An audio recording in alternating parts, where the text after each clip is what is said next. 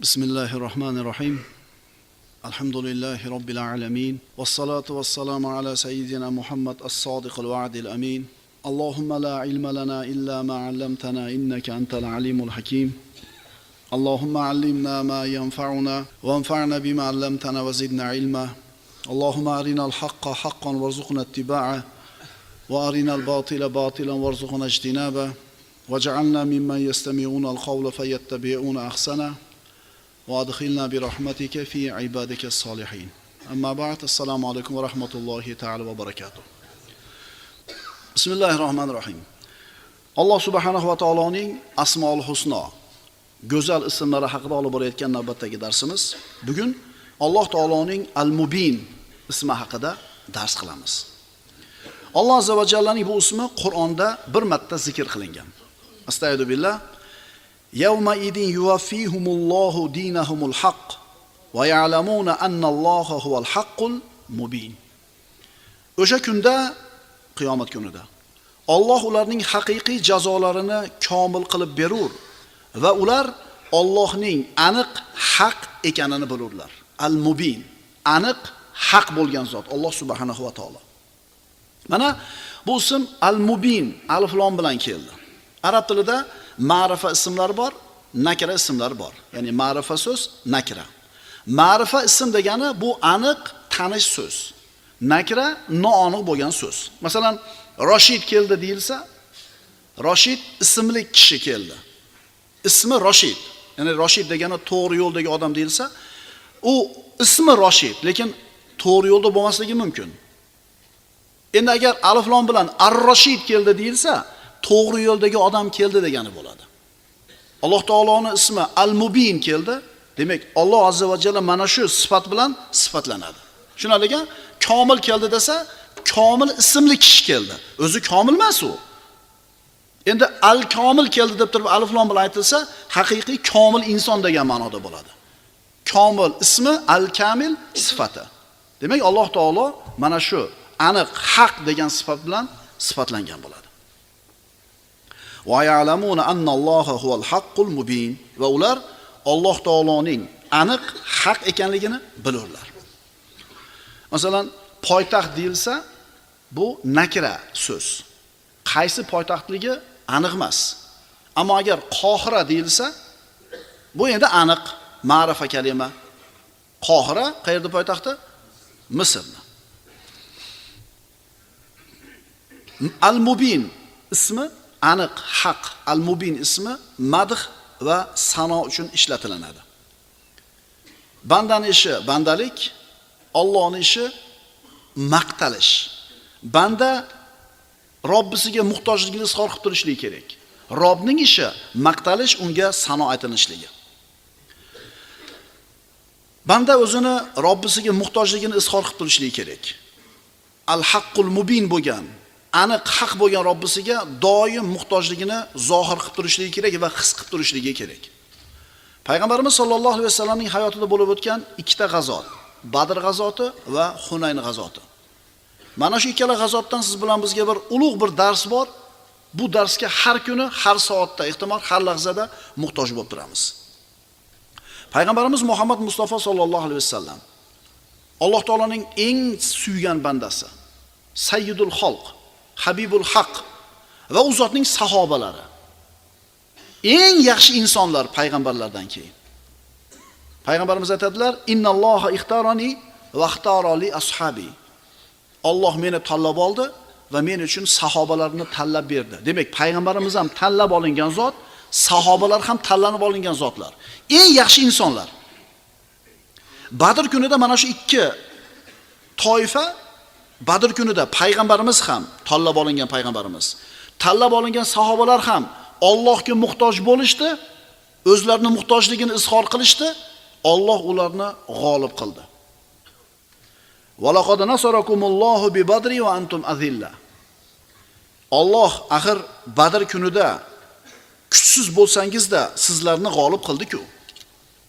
Qaytarib aytamiz, tanlab olingan payg'ambarimiz va payg'ambarimiz uchun tanlab berilgan sahobalar muhtoj bo'lishuvdi, Alloh g'olib qildi. Endi Hunayn kunida ham xuddi shu odamlar bor edi. Rasululloh bor edi, sahobalar bor edi.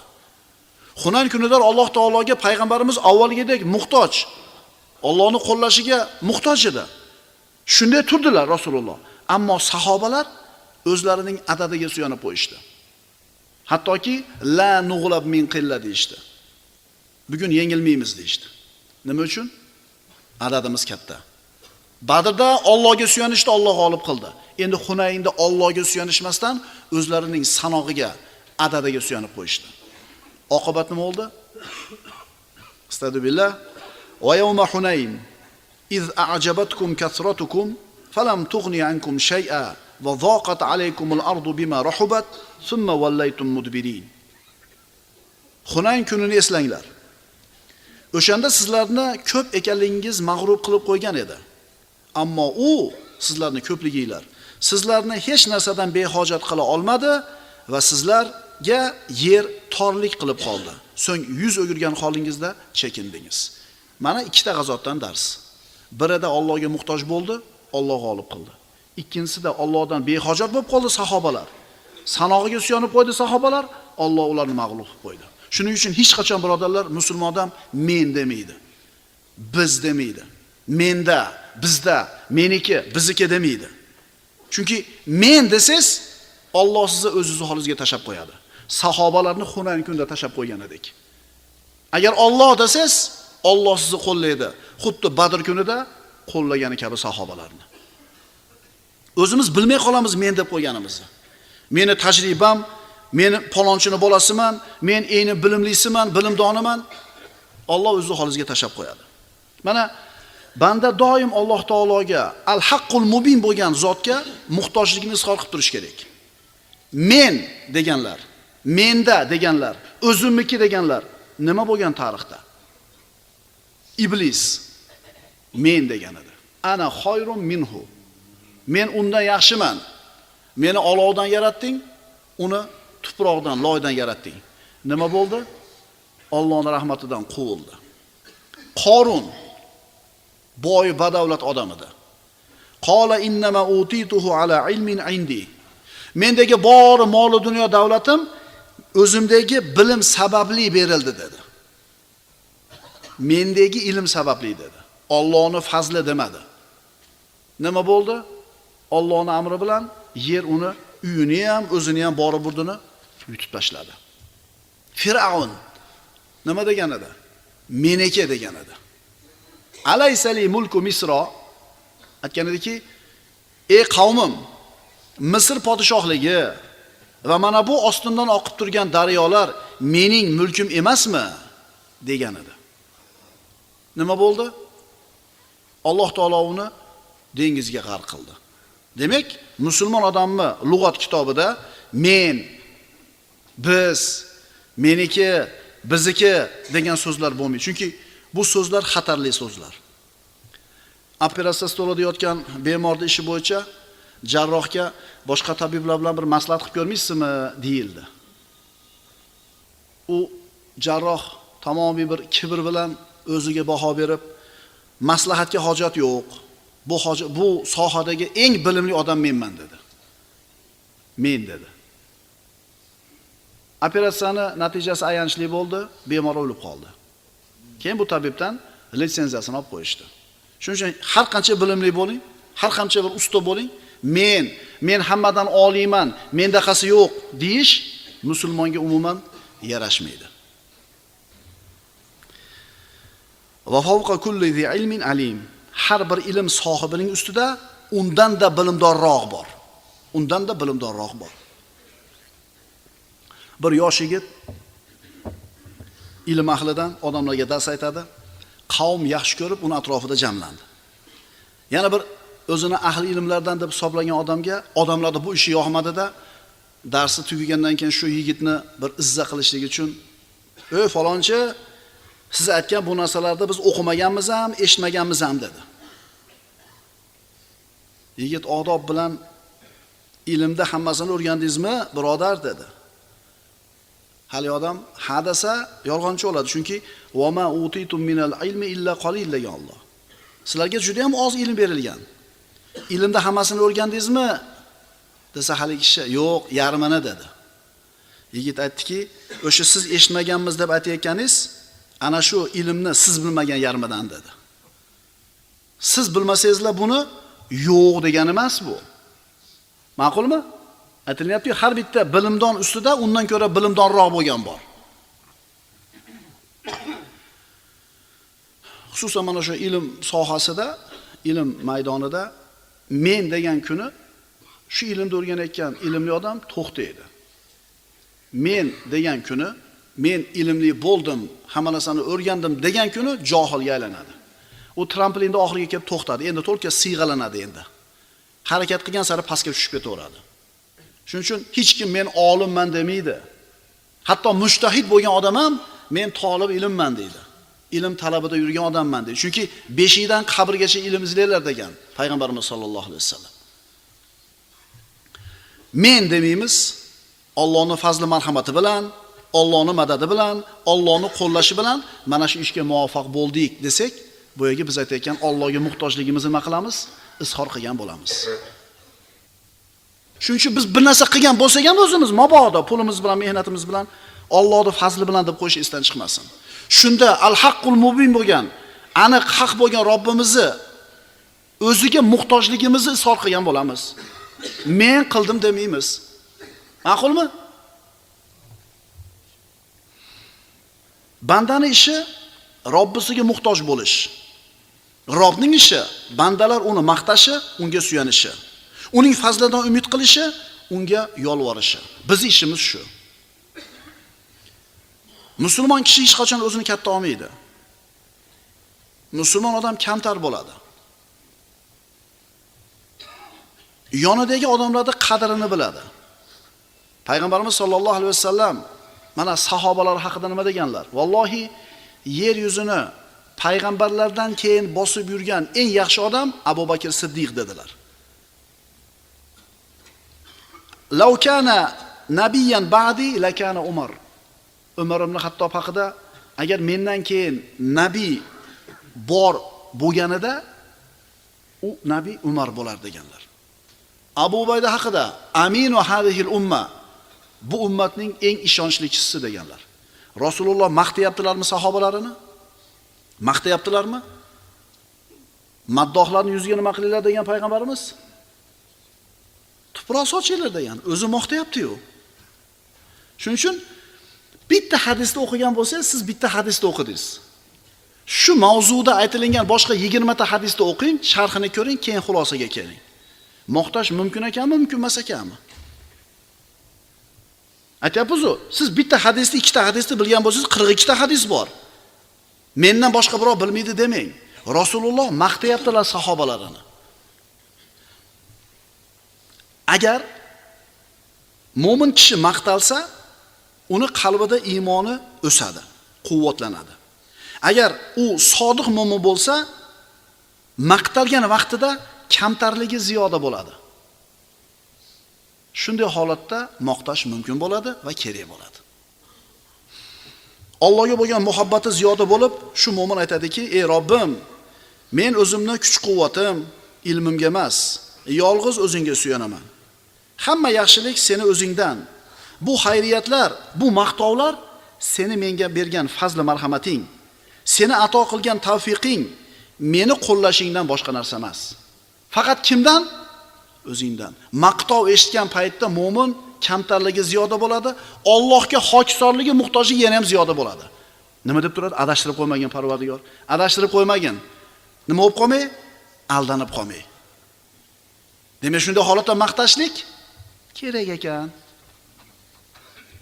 Ammo shunaqa odamlar ham bo'ladi agar maqtasa o'zidan ketib qoladi ishonadi.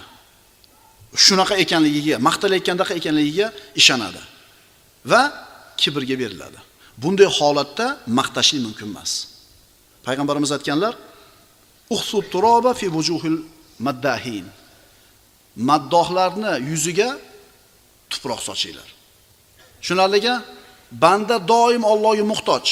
Al haqqul mubin bo'lgan robbisiga muhtoj. Uni maqtashgan paytda ham ko'proq muhtojligini his qiladi. Chunki adashtirib qo'ymagin deb turib robbisiga iltijo qiladi.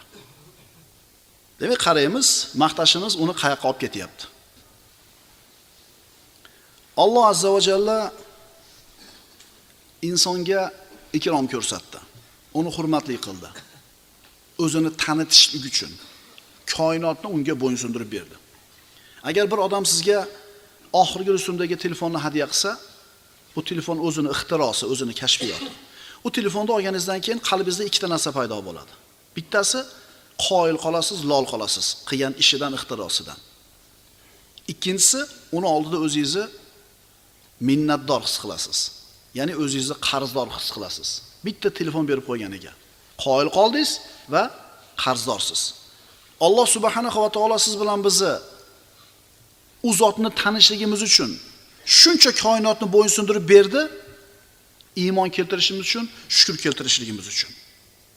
Alloh taolo mana payg'ambarimiz sollallohu alayhi vasallam yangi hilolni ko'rsalar, hilalu khayrin va rushdin. Hilalu khayrin va rushdin. Hilalu khayri va rushdin deb qo'yardilar. Xayriyat va rushd hiloli. Hayriyat va rushd hiloli, hayriyat va rushd hiloli. Ya'ni yangi oyki undan foydalanaman, rushdi oyiki robbimni rizosiga boshlaydi.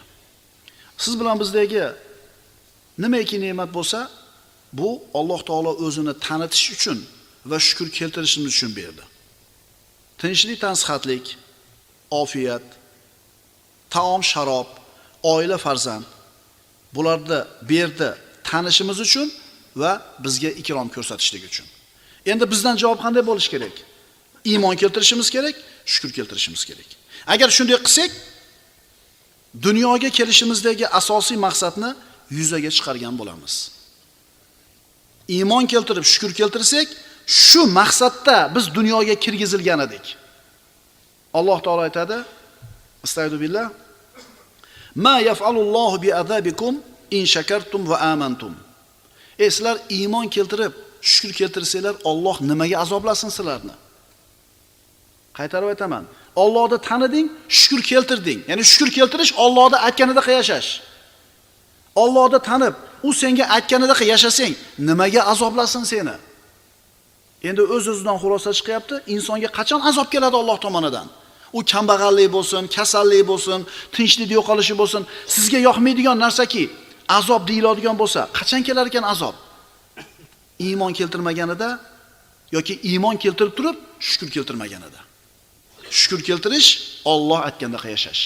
To'g'rida, farzandni berdi Alloh. Uni shukri nima bilan ado bo'lardi? Xudoga shukr bilanmi? Yo'q. Uni shukri halol yegizishlik bilan, Allohni tanitishlik bilan. Agar siz halol yegizib Allohni tanitib, farzand degan ne'matni shukrni ado qilsangiz, bolangiz kuydirgi bo'lmas edi. Siz farzand degan ne'matni shukrni ado qilmadingiz, Allohni tanitmadingiz, halol yegizmadingiz, endi kuydirgi bo'ldi. Bu jazo bo'ldi. Robbimiz aytayapti, iymon keltirib shukr keltirsang nima qilaman banda seni azoblab deyapti. Tavhid mas'uliyatdan, javobgarlikdan ozod qilmaydi. Tavhid nima? Robbimiz subhanahu va taoloni haqiqiy tanishlik.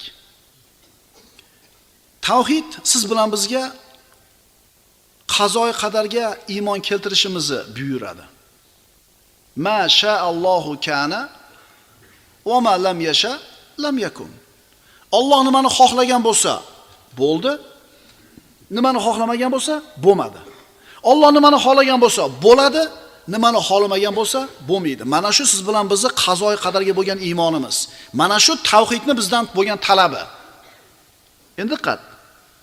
Tavhid mas'uliyatdan ozod qilmaydi. Payg'ambarimiz sollallohu alayhi vasallamning hayotida ifk hodisasi sodir bo'lgan. Munofiqlar Oysha onamiz roziyallohu anhoni zinoda ayblashgan. Shu gap musulmonlar o'rtasida tarqagan. Safon ibn Muattal roziyallohu anhu qo'shinni oxirida kelar ekan, Oysha onamiz qo'shindan qolib qolgandilar. siyrat darslarida aytganmiz, tuyaga o'tkazib Madinaga olib kirdi, tezda. Gapirgani ham yo'q, qaragani ham yo'q. Shunda Ubay ibn Salul, munofiqlarning kattasi, "Zawjatu sohibikum." Ha, sohibilarni, ya'ni payg'ambaringlarni ayoli Ma sofvan sofvon bilan qolibdimi Vallohi ma naja minha va ma najat minhu. Vallohi u bundan, bu undan omon qolmadi dedi. Shu gapni gapirdi. Shu gapi shu fitnaga sabab bo'ldi. U zino qildi deb aytmadi, lekin ishora qilib qo'ydi. Shuni shu gapi zino qildi degan gapgacha yetib bordi. Shu so'zni paydo bo'lishiga Ubay ibn Salul sabab bo'ldi. Mana endi Alloh taolo hodisatul ifkni sodir bo'lishiga izn berdi. Alloh holodi tarqadi. Alloh xolamaganda tarqamas edi. Endi hozir shu yerda Ubay ibn Salul shu gap tarqadi. Demak, Alloh xolagan ekanda tarqashini. Agar xolamaganda tarqamas edi desa, Ubay ibn Salul mas'uliyatdan ozod bo'lib qolish kerakmi? Astagfirullah. Innal ladina ja'u bil ifki usbatu minkum la tahsabuhu sharran lakum bal huwa khayrun lakum. Shak shubhasiz bu bo'xtonni vujudga keltirgan kimsalar o'zlaringizdan bo'lgan bir to'dadir. Ya'ni Ubay ibn Salulning shu so'zi shu fitnaga sabab bo'ldimi? Endi albatta javobgar bo'ladi. Endi Allohda aytgani bo'ldi-da, men nima javobgar bo'laman deb bo'lmaydi. Chunki shu gapga, shu ishni paydo bo'lishiga nima bo'lding sen? Voqe bo'lgan har bitta narsa Allohning irodasi bilan bo'ladi. Alloh nimani xohlagan bo'lsa, u narsa bo'ladi. Endi Allohning xohishi ulug' bir hikmatga bog'liq. Allohning hikmati esa albatta yaxshilikka bog'liq. Ammo inson qazoy qadarga bo'lgan iymon uni mas'uliyatdan ozod qiladi deb o'ylamasin. Vallazi tawalla kibrahu minhum lahu azabun azim. Endi mana shu ishni hodisatul ifkni paydo bo'lishiga ularning orasidagi gunohni kattasini ko'targan kimsa uchun ulug' azob bor. Shu gapni gapirdingmi? Endi javob berasan, qiyomatda azob bor. Buni tushunib olishimiz uchun bir misol aytamiz. Tabib o'zini hamshirasi bilan xushomadgo'ylik qilib laqillab o'tirdi choy ichib. Tez yordam mashinasi shu avariyaga uchragan bir og'ir bemorni olib keldi. Zudlik bilan qarashlik kerak. Shunda haligi tabib turib turinglar ozgina mo choyni ichib olay deb laqillab, qonini to'yg'izib, vaqt cho'zuvdi, bemor o'lib qoldi. Endi shu tabib chiqib turib, ha bechora, ajalda ajal. O'lib qoptimi? Qarang, peshonasiga shu narsa yozilgan ekanda, endi ollohni taqdiri hech kimning aybi yo'q. deyishi to'g'ri bo'ladimi? Taqdirni hujjat qilishlik bu yerda uni foydasiga emas, zarariga bo'ladi. U o'ziga bog'liq bo'lgan hamma ishni qilgandan keyin ham o'lib qolsa, shunda shu gapni aytsa, bu narsa uni foydasiga hujjat bo'lar edi. Demak, qazoyi qadarga bo'lgan iymon, tavhid insonni mas'uliyatdan nima qilmaydi? Ozod qilmaydi. Al-mubin so'zining ma'nosi. Al-mubin aniq, haq, ravshan, rostakam. Musa alayhissalom sehrgarlar bilan ro'baroma ro'baro turib asosini tashaganida haqiqiy ilonga aylandi. Sehrgarlar qo'lidagi ipini, hassasini, kaltagini tashab, odamlarning ko'zini sehrlashgan edi. O'zlarining ishi sehr ekanligini bilishar edi. Odamlarning ko'ziga ilonga o'xshab qimilladi ular, lekin ularning ko'zida ipligicha turar edi. Sehr bu ko'z baylash. Ammo Musa alayhissalom tashlagan asoni sehr emas, ayni ilon ekanligini ko'rgandan keyin sajda qilishdi. Bu haqida Robbimiz aytadi. istaydu billah fa alqa fa hiya thubanun mubin. Mana mubin kalimasi keldi. Shunda Musa asosini tashlagan edi, banogoh u rostakam ilonga, ajdarga aylandi. Demak, mubin kalimasi rostakam degan ma'nosi ham bor. Yana bir ma'nosi. Alloh taolo aytadi, istaydi Fartaqib yavma ta'tis samau biduhanin mubin. Mana mubin kalimasi kelyapti. Yawshan nasa hada azabun alim. Bas ey Muhammad alayhisalom, siz osmon ochiq tutunni keltiradigan kunga ko'z tuting. Ya'ni ochiq deyilyapti. Mubin degan so'z nariyada aniq bo'ldi, ravshan bo'ldi, bu yerda ochiq deb berildi. Bu u tutun barcha odamlarni o'rab olur, bu alamli azobdir. Keyingi oyat. Zalika huval khusronul mubin. Mubin kalimasi kelyapti. Ogoh bo'lingiz kim? Ana shugina ochiq ziyonkorlikdir. Ya'ni oxiratini boy berib qolishlik. Al-mubin kalimasi aniq, haq, ravshan, ochiq, rostakam degan ma'nolarni bizni tilimizda ifoda qilyapti. Alloh azza va jalla insonga bayon, nutq ne'matini berdi. Ya'ni bayon qilish, fikrini ochiq qilish, ravshan qilish, rostakam qilish, aniq qilish. Astagfirullah. ar rohman allamal Qur'an, xoloqol inson, allamahul bayan. Mehribon Alloh Muhammad alayhisalomga Qur'onni ta'lim berdi.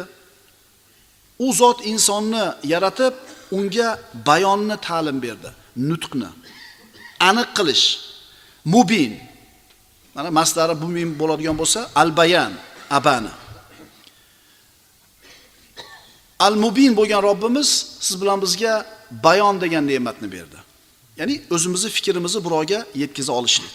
Ana shu bayon orqali odamlar bir-biri bilan aloqa qiladi. Bir davlatni tasavvur qilaylik. Nutqi yo'q, gapirishni bilishmaydi. Qonun qoidalari bor, gapirishni bilishmaydi. Agar shu yurtni hokimi komendantskiy chas e'lon qilmoqchi bo'lsa, nima qiladi? Gapirishni bilishmaydi. Har bitta eshikdagi bittadan mirshat qo'yib qo'yish kerak. Ko'chaga chiqaman desa haydash kerak. Agar nutq bayon qilishlik bo'lsa-chi, bitta buyruqni o'qib eshittirib qo'yadi. Mo soatdan mana soatgacha ko'chaga chiqishlik mumkin emas deydi, bo'ldi. Inson o'zini ichidagi fikrini, o'yini yetkazishlikning eng zo'r yo'li nima? Bayon, nutq. Masalan, soqi odamlar mana shu nutqi yo'q. Ularda ham o'zini tili bor. Endi masalan, tilingiz og'rigan, tishingiz og'rigan, tomog'ingiz og'rigan va gapira olmagan bir kun, ikki kuningiz bo'lsa eslangda. Achchiq qilib bitta qoqirim qilib kel. Qana qilib tushuntirasiz? Achchiq qilib, qoqirim qilib kel. 5 ta so'z bilan fikringizni bayon qildingiz. Yuragim siqilib ketdi desa qana qilib aytadi? Birodarlar, bayon bu shunaqa ne'matki, doim u bayon, u ne'mat biz bilan bo'lganligi uchun qadriga Demak, odam zotining o'zaro bir-biri bilan aloqa qilishi mana shu aloqaning eng oliy asbobi nutq. Qarang, e, og'zaki bayon to'g'ridan to'g'ri aloqa bu til va lab bilan bo'ladi. Ya'ni bevosita aloqa. Endi vosita orqali bo'ladigan aloqa yozishlik. Endi mana shu yozishlik ham ne'mat. Iqro bismi robbikallazi xalaq xalaqal insana min alaq. Iqro va robbukal akram allazi allama bil qalam. Mana shu qalam ham ne'mat. Qalam ham ne'mat. Ey Muhammad, barcha mavjudotni yaratgan zot bo'lmish Parvardigoringiz nomi bilan boshlab o'qing. U insonni lahta qondan yaratgan zotdir. O'qing, sizning Parvardigoringiz insoniyatga qalamni, ya'ni yozishni, xatni o'rgatgan o'ta karamli zotdir. Yozib aloqa qilishlik birodarlar. Bir avlodni boshqa avlod bilan bo'ladigan aloqasi. To'g'rimi? Ming yillardan beri yozilgan kitoblar siz bilan bizga yetib keldi. Demak, ming yil burungi odamlarni biz bilan qilayotgan aloqasi yozish orqali. Bir zamonni ikkinchi zamon bilan qilayotgan aloqasi. Agar kitoblar tarjima qilinsa, bir madaniyatni ikkinchi madaniyat bilan bo'lgan nimasi? Aloqasi. Inson zoti o'zini bayoni bilan boshqa mahluqotlardan afzal bo'ldi. Demak, bugungi darsimiz birodarlar Alloh subhanahu va taoloning Al-Mubin, aniq, haq, ochiq, ravshan ma'nolarni ifoda qiladigan ismi haqida, Al-Mubin ismi haqida dars qildik. Inshaalloh keyingi darsda davom etkazgan bo'lamiz. Aqulu qawli hada va astagfirulloh li va lakum.